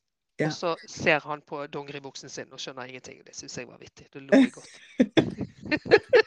Det så jeg faktisk ikke engang, fordi at jeg var så opptatt av å se på oversettelsen. Fordi jeg tenkte, hvis dette hadde vært en moderne oversettelse Nå betaler de jo ingen penger for oversettere, nå er det bare AI og forferdelig. Ehm, så, så tenkte jeg gud, har de oversett dette med dongeribukser? Men da, da utnytta de den eh, spøken ja. effektivt. Men dette Det er faktisk, dette er faktisk min, eh, mitt øyeblikk der jeg har lyst til å referere 30 something, fordi at i 30 something, en episode på, eh, da som var tidlig på 90-tallet, så var det altså det jeg vil si er det verste teksteksempelet noensinne. Der var det to karakterer snakker sammen, to menn snakker sammen, og den ene sier at han har et spesielt forhold til Chicago fordi at moren hans went into labor here. Altså helt, helt Ok, åpenbart ja. av samtalen at han ble født i Chicago. Sant? Mm. Eh, oversatt med min mor begynte å jobbe her. Men man, altså, det eneste man liksom kan trøste seg med, er at de ikke oversatte det med 'min mor meldte seg inn i Arbeiderpartiet' i Chicago. Det er en forferdelig dårlig oversettelse. Ja, uff a meg, Ja. den er lei. Den er veldig lei. Men her gjør de det bedre. Det kan vi Jeg må faktisk unnskylde meg litt fordi jeg hoppet over den ryddedansingen, som Ja, er filmens store sjarmscene. Ja. Når de rydder etter denne middagen med den kalkunen. Og det, Ja, det, det- er veldig rart, for her er det jo dritmye rester. Ja. Det, det er kjempemye rester. Det er sikkert noen som har stått opp. Det fins en Ja. blant de. Mm. Og der, der de, de danser sammen og rundt hverandre og bytter litt på, og det er god musikk, og den er veldig, veldig fin. Det som jeg leste eh, Det fineste jeg har lest om denne filmen eh, denne uken, er Lena Dunham, som har skrevet et så fint essay. Å ja? Kom, kom du over det? Nei, nei. det jeg tror det, det essayet heter 'This is your parents', og det ble skrevet for ti år siden, da det var 30, akkurat 30 år. da. Ja. Eh, og, og der hun eh, Altså, den er, det er rett og slett veldig fint. Eh, men akkurat om denne scenen her, eh, så eh, Hvis du kunne sett foreldrene dine når, når de ikke visste at du var der, og du ser at de, da, da kan du se at de har en gang Det er folk som har begjært dem og likt dem, og eh, som fremdeles syns at de er så deilige som de var den gangen når de var unge. Mens når du ser de danse på denne måten, så håper du at de skal eksplodere med en gang. Så, den er veldig, veldig, veldig veldig søt. Og hele den eh, Nei, det er egentlig verdt. Hun har et godt blikk på denne filmen, syns jeg. Altså, hun har veldig sånn hjerte for det. For deres idioti, på et eller annet vis, da. Ja, og den, denne scenen er jo ment til å være sjarmerende, og det er den jo Ja. på, på mange vis òg. Men jeg må innrømme at denne scenen var faktisk det eneste jeg husket fra denne filmen. Jeg har kanskje bare sett den én eller to ganger, så det er ikke noen sånn eh, ikke noen film jeg har et sånn voldsomt forhold til, annet enn at jeg husker den som veldig fin. Og så husker jeg denne montasjescenen. Så når den først kom og var litt sånn Den er òg litt sånn awkward, litt sånn hip bumps, og det er helt åpenbart at de er utdaterte på alle mulige måter som Ja. fysiske mennesker. Og det er det Eh. som Lina Dunham beskriver så innmari godt. At det er nøyaktig det den scenen gjør. De har blitt litt for gamle, men de, eh, fordi det er de som er sammen, og det er ingen andre som ser dem, så kan de nå være 20 år fordi det var det de Ja. var sammen. Nettopp. Som er jo liksom rørende og fint. Ja, det er fint. Det er fint. Ja, vi lar de få holde det. Vi, vi får la det gå. Men det er Ja. jo filmens eh, Ja, det er den eh, helt klart mest minneverdige scenen i denne filmen. Ja. Det er det absolutt. Men eh, Sam, vi er tilbake til Sam og Meg, så, så vil han slett ikke bare donere spermen sine uten videre. Nei. Jeg syns jo òg Sam presenteres jo som litt sånn eh, Hollywood-stjerne, litt eh, vapid type. Ikke så smart. Men jeg syns òg han er en ganske Han har òg en ganske mye sånn uh, moralsk eh, kjerne i denne, i denne filmen. Han, han er jo på en eller annen måte en uh, ja, han er vel ikke en smarting, men, men han har noen instinkter som de andre mangler. Ja da, det har han. Men det, det, de er jo ganske dyrekjøpte. For det er jo fordi at han har et barn som han eh, verken ser eller tar seg av. Ja. Og dette kan man jo eh, si mye om, fordi at det, hele tiden, altså, at hans ekskone har fått seg en ny mann som han hele tiden omtaler som eh, datterens new dad. She's got a new dad now. Ja. Som, eh, og det blir så forvirrende for henne hvis jeg er rundt. Så Ja. det, det, han er Rob Lowe. Nettopp. Det er jo Rob Lowe 15 år senere. Ja. Mm. Men eh, vi, vi forlot jo St. Elmo's Fire med at eh, Rob Loves karakter var den eneste som hadde fått seg en jobb og liksom skikket seg. Så det er vel kanskje en eh, videreføring av det, da. Mm. At han er faktisk Han har eh, På tross av sitt gode eh, ytre, så, så har han utviklet en personlighet. Det får man jo heie på. Ja. Ja da, absolutt. Han, er, han er, kommer godt ut av dette her. hvis man liksom, Han har jo lært av denne skilsmissen. Det er jo det som er, at det er jo derfor han ikke vil lage barn med henne, fordi at det er et enormt ansvar. Og det er ikke bare Uansett hva du sier om at eh, ja, men jeg skal ikke ha noe ansvar, så har jeg et ansvar eh, her. Og det er For dette mennesket som blir satt til verden. Så nei, jeg kan ikke hjelpe deg. Beklager. Ja. Ja. Men kan vi ligge sammen likevel? Nettopp. Ja, ja. Nei, han er jo ikke Han er ikke hevet over det, selvfølgelig. Men, eh, men det, ja, det, det presenteres jo som en spøk. Men det er jo helt åpenbart at han også mener det, selvfølgelig. Og Eh, så kommer dette med at Chloé eh, på en eller annen måte nærmer seg Nick, som jeg blanda litt sammen med den tidligere Ja. scenen. Ja. Eh, det er sånn, Nick er en, en slags eh, doplanger for hele Han gir eh, Sarah kokain, så hun blir bare sånn kjempevåken og sitter og virrer i sengen. Chloé har sikkert fått en masse, masse forskjellige ting. Og sovner sovner i fanget hans etter å ha delt denne barndomshistorien. Og man får en litt sånn underlig følelse av at det er ikke det at han egentlig er en sånn decent fyr, det er det at det at han er impotent, gjør at han ikke liksom forgriper seg på henne. Det er ikke kjempefresht. Men, eh, men sånn velger filmen å gjøre det. Ja, det gjør jo det men ikke egentlig hele tiden. Mm. Han er jo forbausende lite sint for denne impotensen, da. Eh, for han kunne jo helt fint ha gått den veien, men det gjør han bare helt sånn send Eh, ja, det er vel dopet som gjør han sen, da. Kanskje. Jo, jo, men det, det, kan du si. Men, eh, men likevel, den, den, den, den, sier jo liksom et eller annet eh, Virker å si at det ikke er dopen. For han er jo liksom aldri eh, noe ruset i noe særlig grad. sant? Eh, så, så, jeg tenker at det er på en eller annen ram det, det, er veldig rart at han er sånn to terms med dette. Han er jo en ung mann. Og dette, hvis han har vært i Vietnam, så er jo det en stund siden dette har skjedd også. Ja. Ja. Så, men i alle fall. Men det kan godt være at du har rett òg. Nei, jeg bare lurer Kanskje han bare er så mye av en eh, narkoman at han bare holder det Han har funnet en måte å holde det gående på et jevnt nivå, liksom. Han holder ikke på med sånn Han ruser seg ikke for å ruse seg, han ruser seg for å overleve på et eller annet vis. Og da har man kanskje et annet mål med med å bruke rusen for å klare å være i verden. Jeg vet ikke. Nei. Han er, det er i hvert fall ikke verre stelt at han er med, ut med å jogge dagen etterpå. Ja, ja, ja. Ja. Jo, eh, alle andre har jo kjempe Sarah sitter jo ved frokostbordet og ser ut som hun har vært i krigen etter at han har gitt henne kokain. Men, eh, mm. men han er jo ikke han er ikke plaga av noe hangover. Nei. Der er det òg en sånn der, den er så søt uh, Jeg syns den er så fin, den sånn kaffekannescenen. Ja, vet du hva? Den, den vet du hva? Det, når jeg så den scenen Meg henter seg en kopp kaffe og en røyk, og hun har på seg en sånn utrolig stygg morgenkåpe, så tenkte mm. jeg dette dette kommer til å være Idas favorittscene. Ja. Fordi jeg tenkte på den der Derrick-morgenkåpen din som Ja da, eh, og nå, den, den, jeg har nå, nå må jeg ønske meg en ny til jul. Eh, det er jo mamma som er kilden til Derrick-morgenkåpene. Jeg ønsker meg spesifikt at de må kjøpes på sånn gammel damebutikk.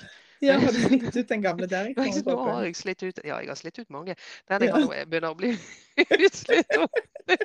Nå sigger jeg jo ikke lenger, da, men jeg elsket jo å sitte i kaffesigg i morgenkåpe. Det, det, hadde det bare ikke vært så farlig å røyke, så skulle det vært en sånn eh, Nå har jeg jo sluttet så lenge at det er veldig deilig å ikke røyke. Men jeg lik, likte den der kjerringaktige kafferøyktingen. Ja. ja. det er et eller annet med liksom nytelsen hun, mm. uh, hun mm. utviser mm. i den her helt alene på kjøkkenet med kaffekoppen og siggen og denne morgenkoppen, som bare minnet meg om, uh, som minnet meg om deg på aller beste måte. ja da, jeg heier på stygg morgenkoppe. Det er deilig. uh, og da er det vel Skal vi se, nå er det vel mer snakk? Jo, vi var ute og jogget. Ja, de var ute og jogget. Og så er det den der frokosten som går. ikke sant? Og så drar Nick av gårde helt alene for å se på det huset. Ja, og det er her òg som, eh, som, Harold har satt fram joggesko til alle. Han ja. har vært hentet en bunch med mm. joggesko. Ja.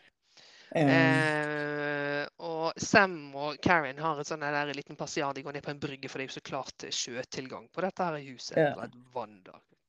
Ja. Um, og Karen snakker om det. Så ja, nei, Rich det valgte mann som ikke bare for at han skal være trygg. Og nei, det går ikke så Og du, hun driver liksom og flørter med det. Altså, det er helt åpenbart at han har Hun tenker at hun har han rundt lillefingeren. Eh, ja. Og kan eh, Altså han bare kan aktiveres? Ja. Kan, ja, han kan bare aktiveres rett og slett. Eh, og samtidig så driver han også og, og masserer egoet hans på, for han er liksom flau for at han spiller JT Lancer på TV. Ja. Eh, og eh, han skulle jo vært noe annet. Og, ja. Nei, men ja, han prøver å legge inn noe viktig i hver episode. Ja, guttene mine lærer masse hver gang. Bare tenker at Det er liksom hennes bro til det der med at hun egentlig ville være forfatter. At, at hun forsøker liksom uh, putte masse mening i det han gjør. Sant? Som om mm. han er liksom den store kunstneren blant de, som han jo avviser blankt sjøl. Det er mm. veldig trist, det hele. Jeg har bare skrevet sånn Gi slipp, gi slipp, ja, Det er akkurat det. Det er, kanskje, er jo... det er, kanskje, en melding til meg sjøl, må jeg innrømme.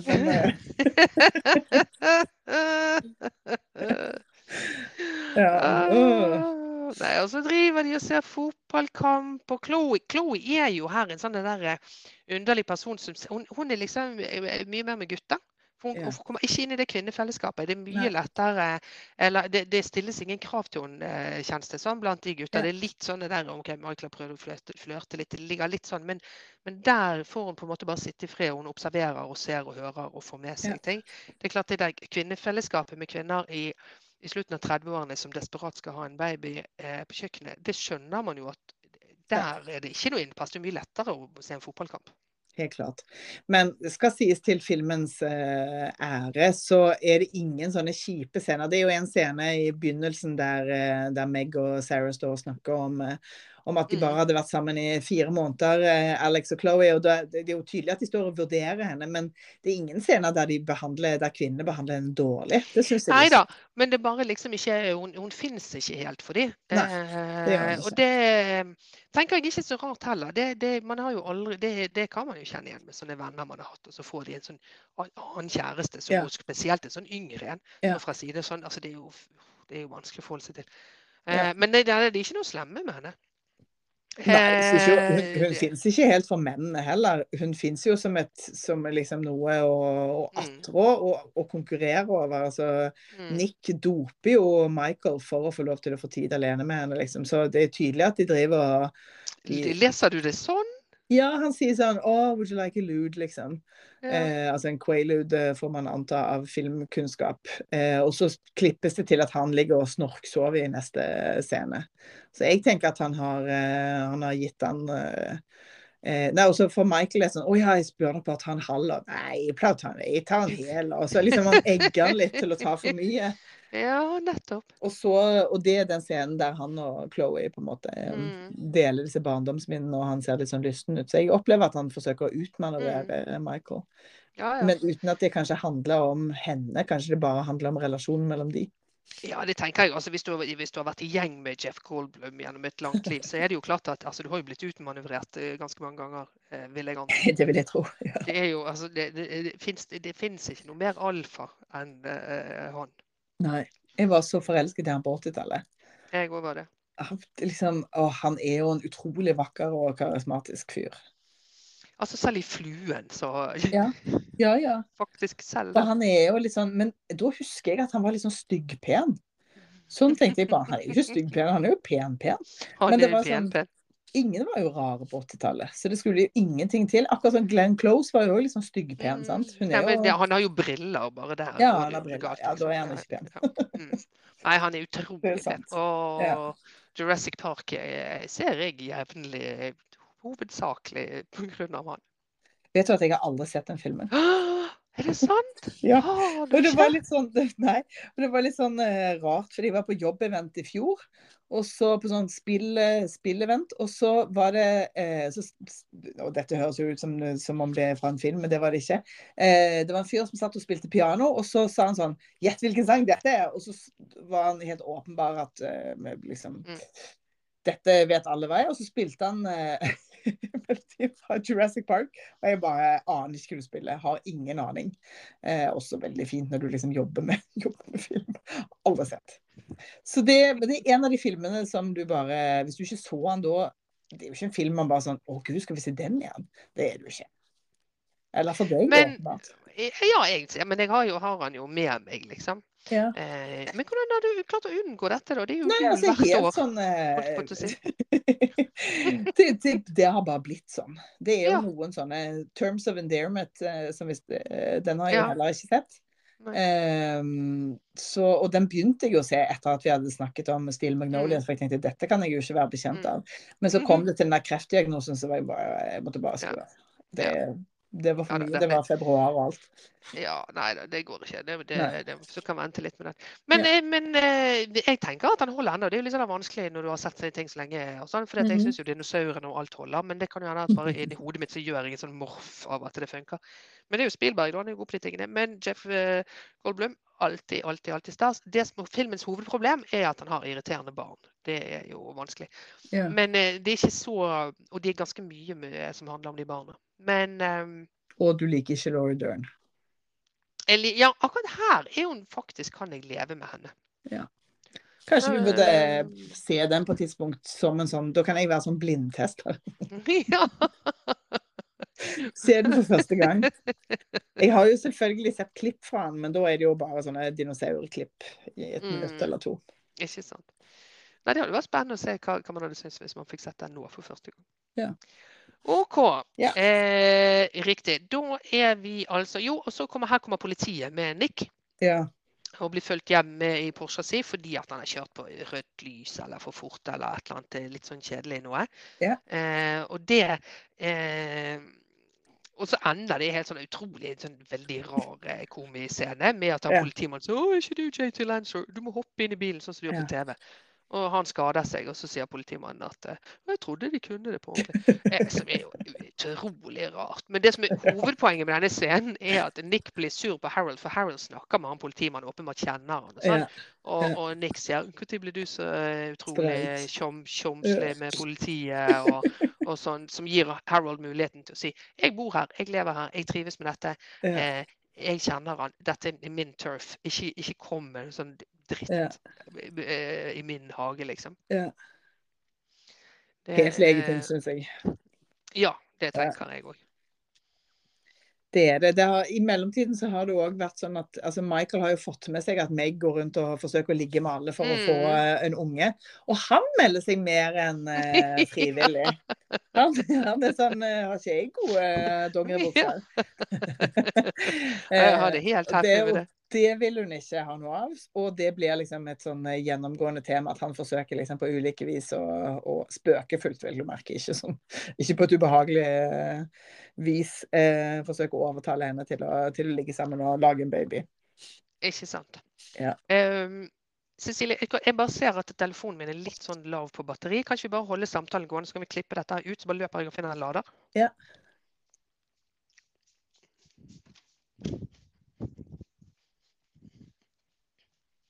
Hello! Oh, flies.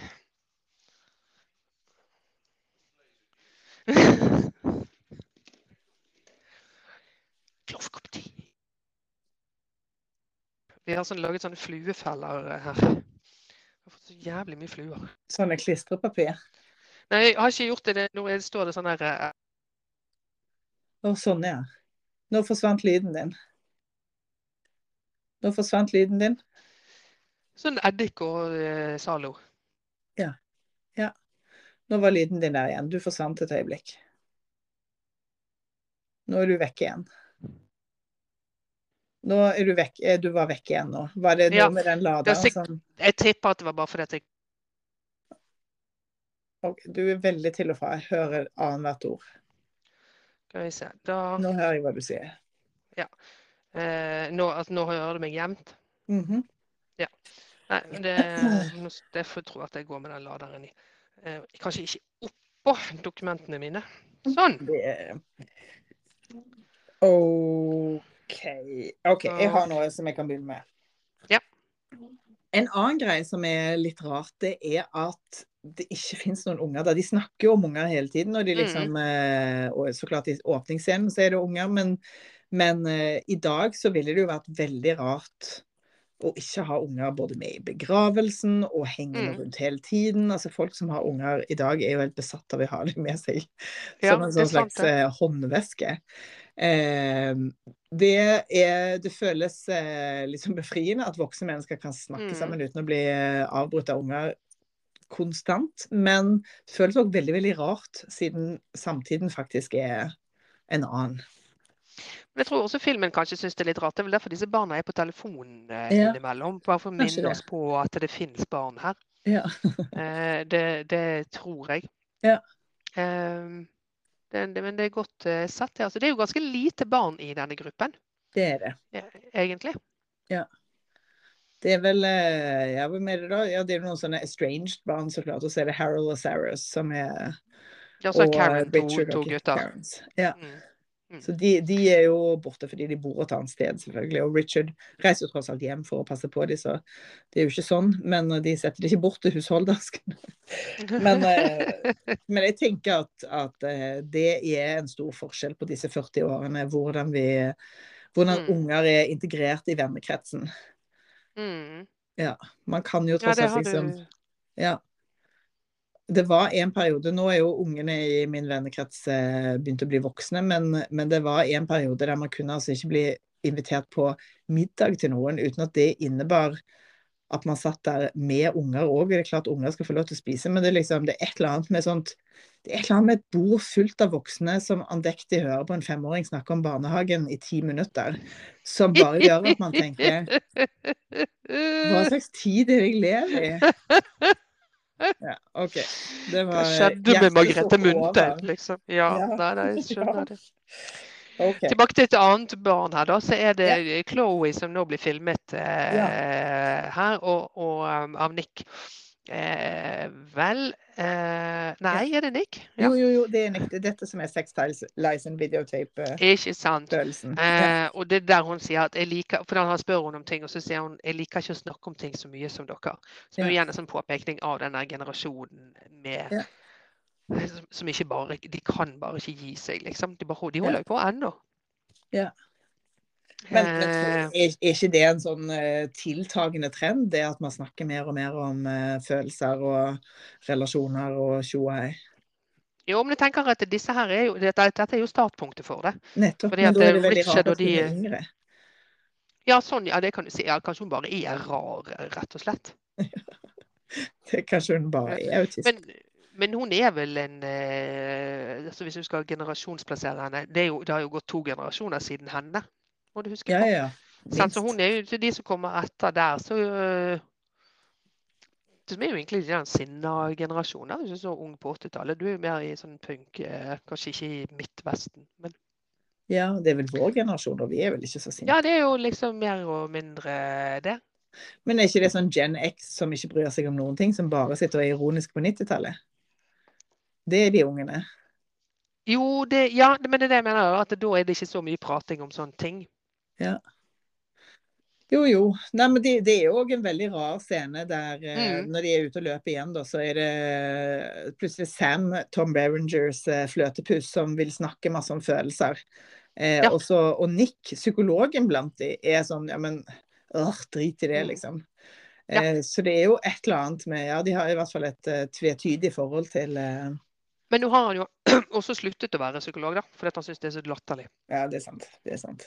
Det har han jo. Han jeg, jeg får ikke hjulpet noen. Altså, jeg bare satt der og latet og sa masse spil og sånn, som om det gjorde noen ting bedre for noen. Ja. Det er jo hans mantra. Ja. Det er sant. Eh, og så er det, er det vel her de går inn i denne her eh, Nei, skal vi si, driver hun og flørter mer eh, igjen, Karen, her, med Sam.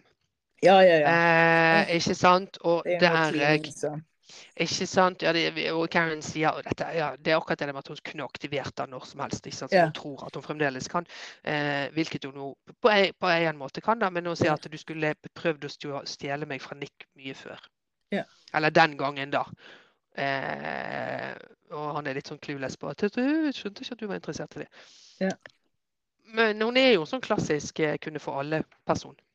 Hun kan jo på en måte det uh, Ja. ennå, han er, altså, men han driver jo og debatterer med seg sjøl. Fordi han har kysset henne sånn i tre sekunder, og så sier han bare sånn Gud, jeg vil at du skal bare ta med deg ungene og flytte til uh, LA, og så kan vi bo sammen, Mm. og, og så er det oss. Eh, men det, når man tror at han er veldig ivrig på det, så vender jo det over en sånn moralpreken om nettopp denne skilsmissen hans, og at hun Mm. må liksom Det, det unner han ikke henne. Nei, det er akkurat det. Mm. Eh, at du, du må bare og- det at Ja, for det er jo det som er eh, Som er jo i motsetningen til Richard som sier det var ingen som fortalte meg at det skulle være så morsomt.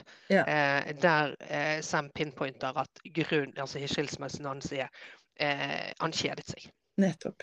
Ja.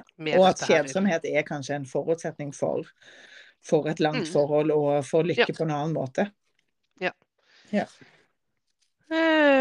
Eh, så, kommer, så ringer disse ungene, da. Eh, Mm. Harold og Sarahs unger ringer, og Harold snakker med dem først. Og så gir han telefonen til Meg, som eh, tydeligvis har en relasjon til, eh, til Mm. kanskje jenter som hun snakker med, jeg husker ikke.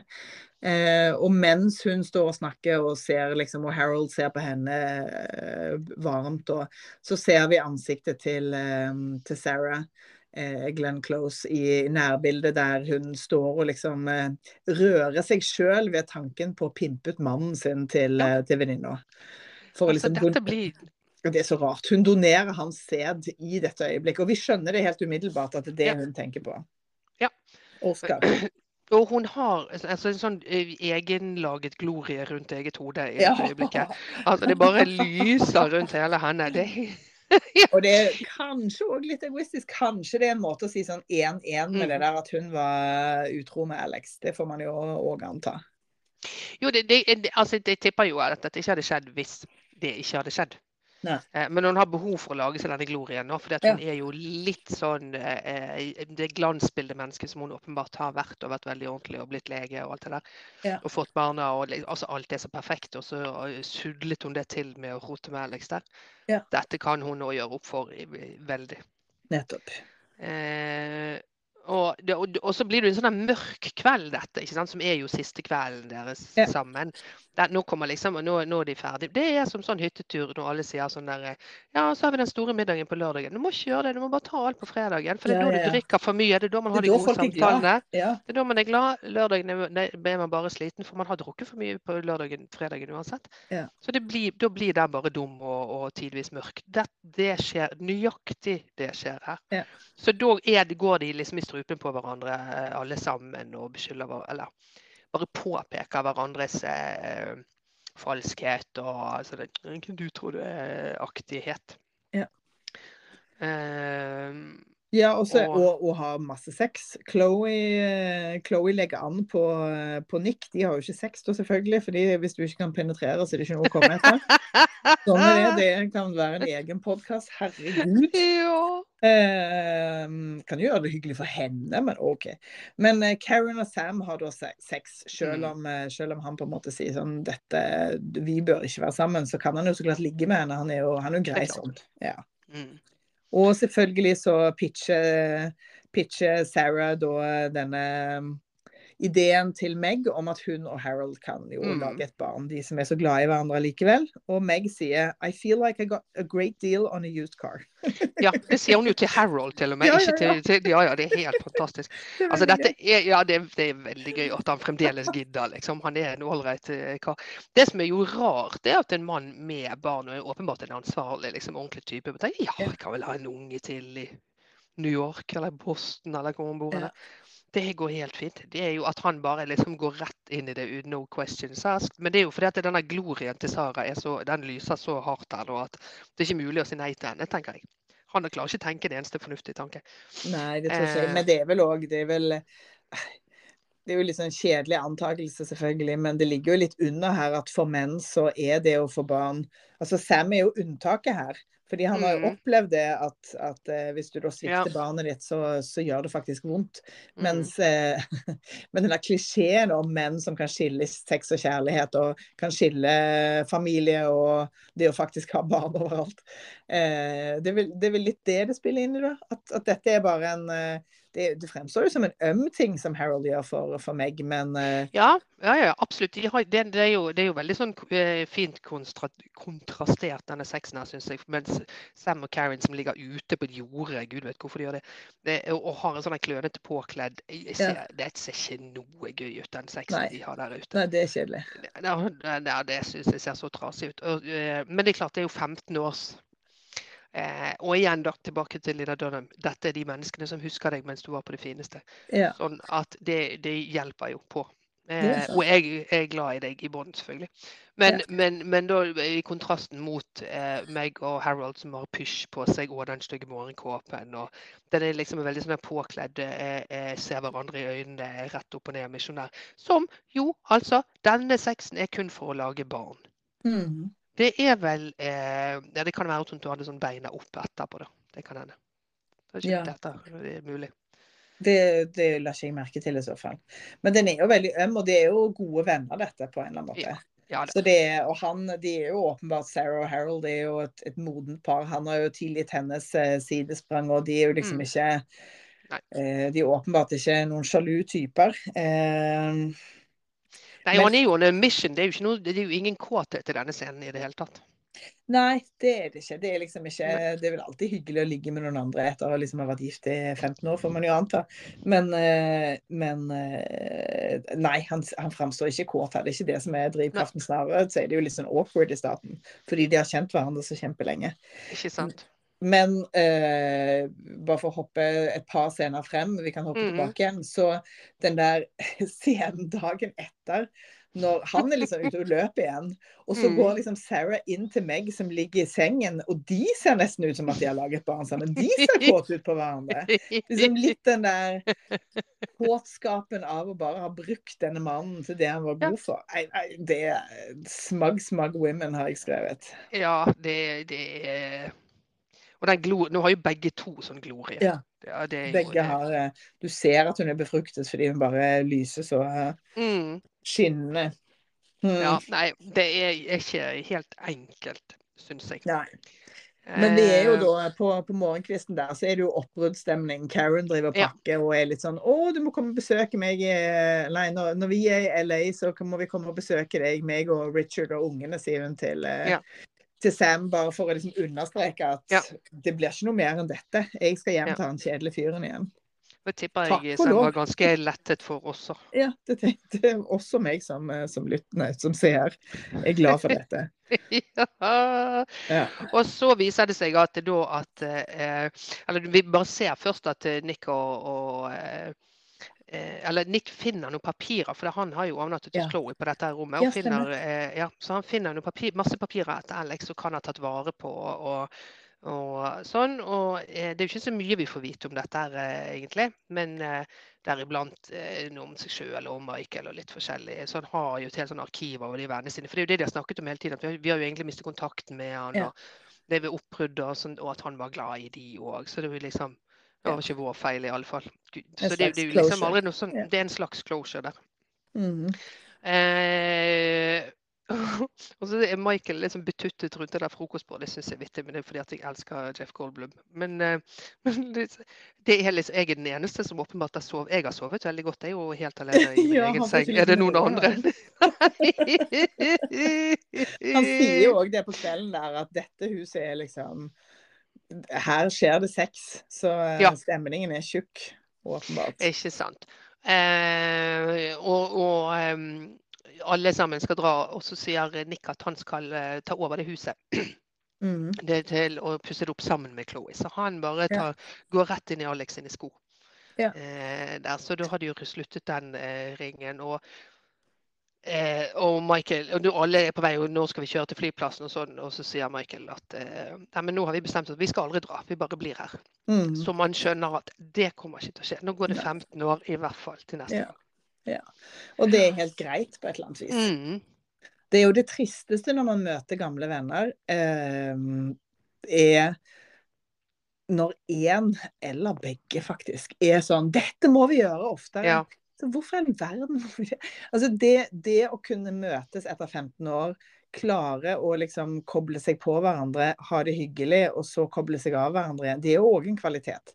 Vi Mm. trenger jo ikke ha en jeg vet ikke, Er det en sånn er det en egen kvinneting, det der med at man må liksom ha kontakt så ofte for å klare å vedlikeholde et vennskap? Eh, ja, det kan du si, fordi at det er såpass mye liksom, Man oppdaterer hverandre på emosjoner og ting. Ja, og Og, står og sånn mye sånn speiling, og hvor er du Mm. nå? Ja. Mm. Så det kan hende at det Men jeg vet ikke, man kan jo sikkert ta opp den tråden. Nei, det, er lenge, det er lenge siden jeg har liksom tatt opp noe sånn ja. gammel tråd. da. Det er et interessant spørsmål. Jeg har flere eh, Nå er ikke jeg en sånn eh, jente som bare har eh, guttevenner, men av gamle venner så syns jeg det er lettere å holde kontakten med menn. Fordi at det kan godt gå fem år, og så går man ut og tar en øl. Ja. Og så har man det gøy å se altså, det, er liksom, det er noe Det er ingen krav til at vi skal ringes liksom en gang i uken. Men med, med jenter så er det en annen samtale som foregår, som, som ofte er litt sånn at man bare føler enten at det er litt fake, eller at man eller kanskje bare leser for mye i dine. Men, eh, men vi har jo av og til ikke hatt så veldig mye med hverandre å gjøre på veldig lenge. Men jeg føler jo òg at vi har et veldig eh, vi, snakker masse om, eh, vi snakker masse om følelser og om eh, kjærester og alt det der. Men, men, vi har jo delt noen interesser som har gjort at ja. jeg har alltid noe å snakke med deg om. Ja, det, det, det, det, er jo det som er du, du, har jo vært i, utlandet, og vi har ja. jo vært mye borte. Men det er jo, er jo også internettets velsignelse, ikke sant? Med at og jeg har eh, jeg har drevet selv før de sosiale mediene, fordi at jeg driver og rydder i e-posten min. For vet du det, at eh, i en, en vond periode der fra sånn 2009 til 2014, så valgte Gmail å flagge all slags mailer. Det er ikke jeg som har sittet på de flagg. Så plutselig så innså jeg at jeg hadde 10 000 flaggete mailer. Så altså sånne special mail-flagg? Ja, ja, ja, ja, Og det er ikke yes. jeg som har satt. Altså det, det er reklame fra firmaer, og det er definitivt ikke jeg liksom. Men, og, og, så søker jeg bare litt sånn random etter sånn Aftenposten. Du har 69 mailer fra så kan jeg slette. Så jeg holder på, så nå er jeg nede på 4000 eller noe. Men eh, innimellom der så har jeg sett mailer fra deg fra sånn 2009, så, der vi åpenbart har en sånn Messenger-aktig, forsøksvis messengeraktig samtale, men på e-post. da. Som er veldig koselig. De har jeg ikke slettet. De kan ligge der og være Ja, de må ligge der. Ja, ja, ja. Det er mm. gøy å ha. Mm. Men det er sant. Det, det, er faktisk sant.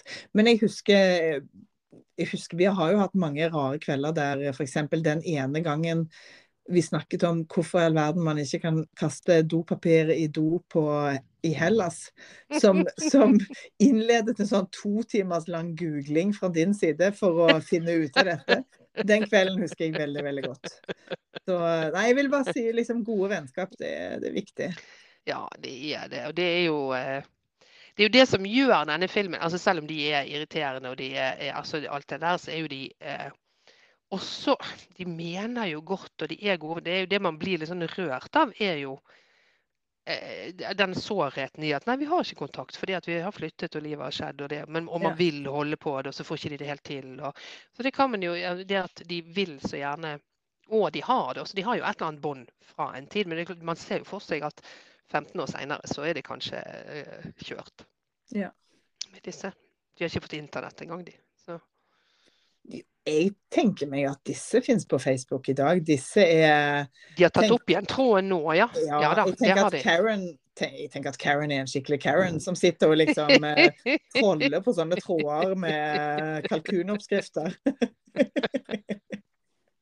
Men eh, nei, kanskje ja. vi skal få lov til å bli frosset i tiden på, i 1983. Ja, den, den, er fin. Den var ikke, jeg var jo veldig redd for at den etter St. mot Fire så var jeg jo så kjemperedd for at denne også skulle være helt uh, uspiselig, liksom. Men den er ja. Det er en uh, varm og fin film som kanskje ikke er så god som jeg uh, har husket den som, men jeg blir glad av den. Og det er jo også fordi den har selvfølgelig verdens beste soundtrack, som gjør at ja. den, den, den, setter i gang så mye følelser. Sant?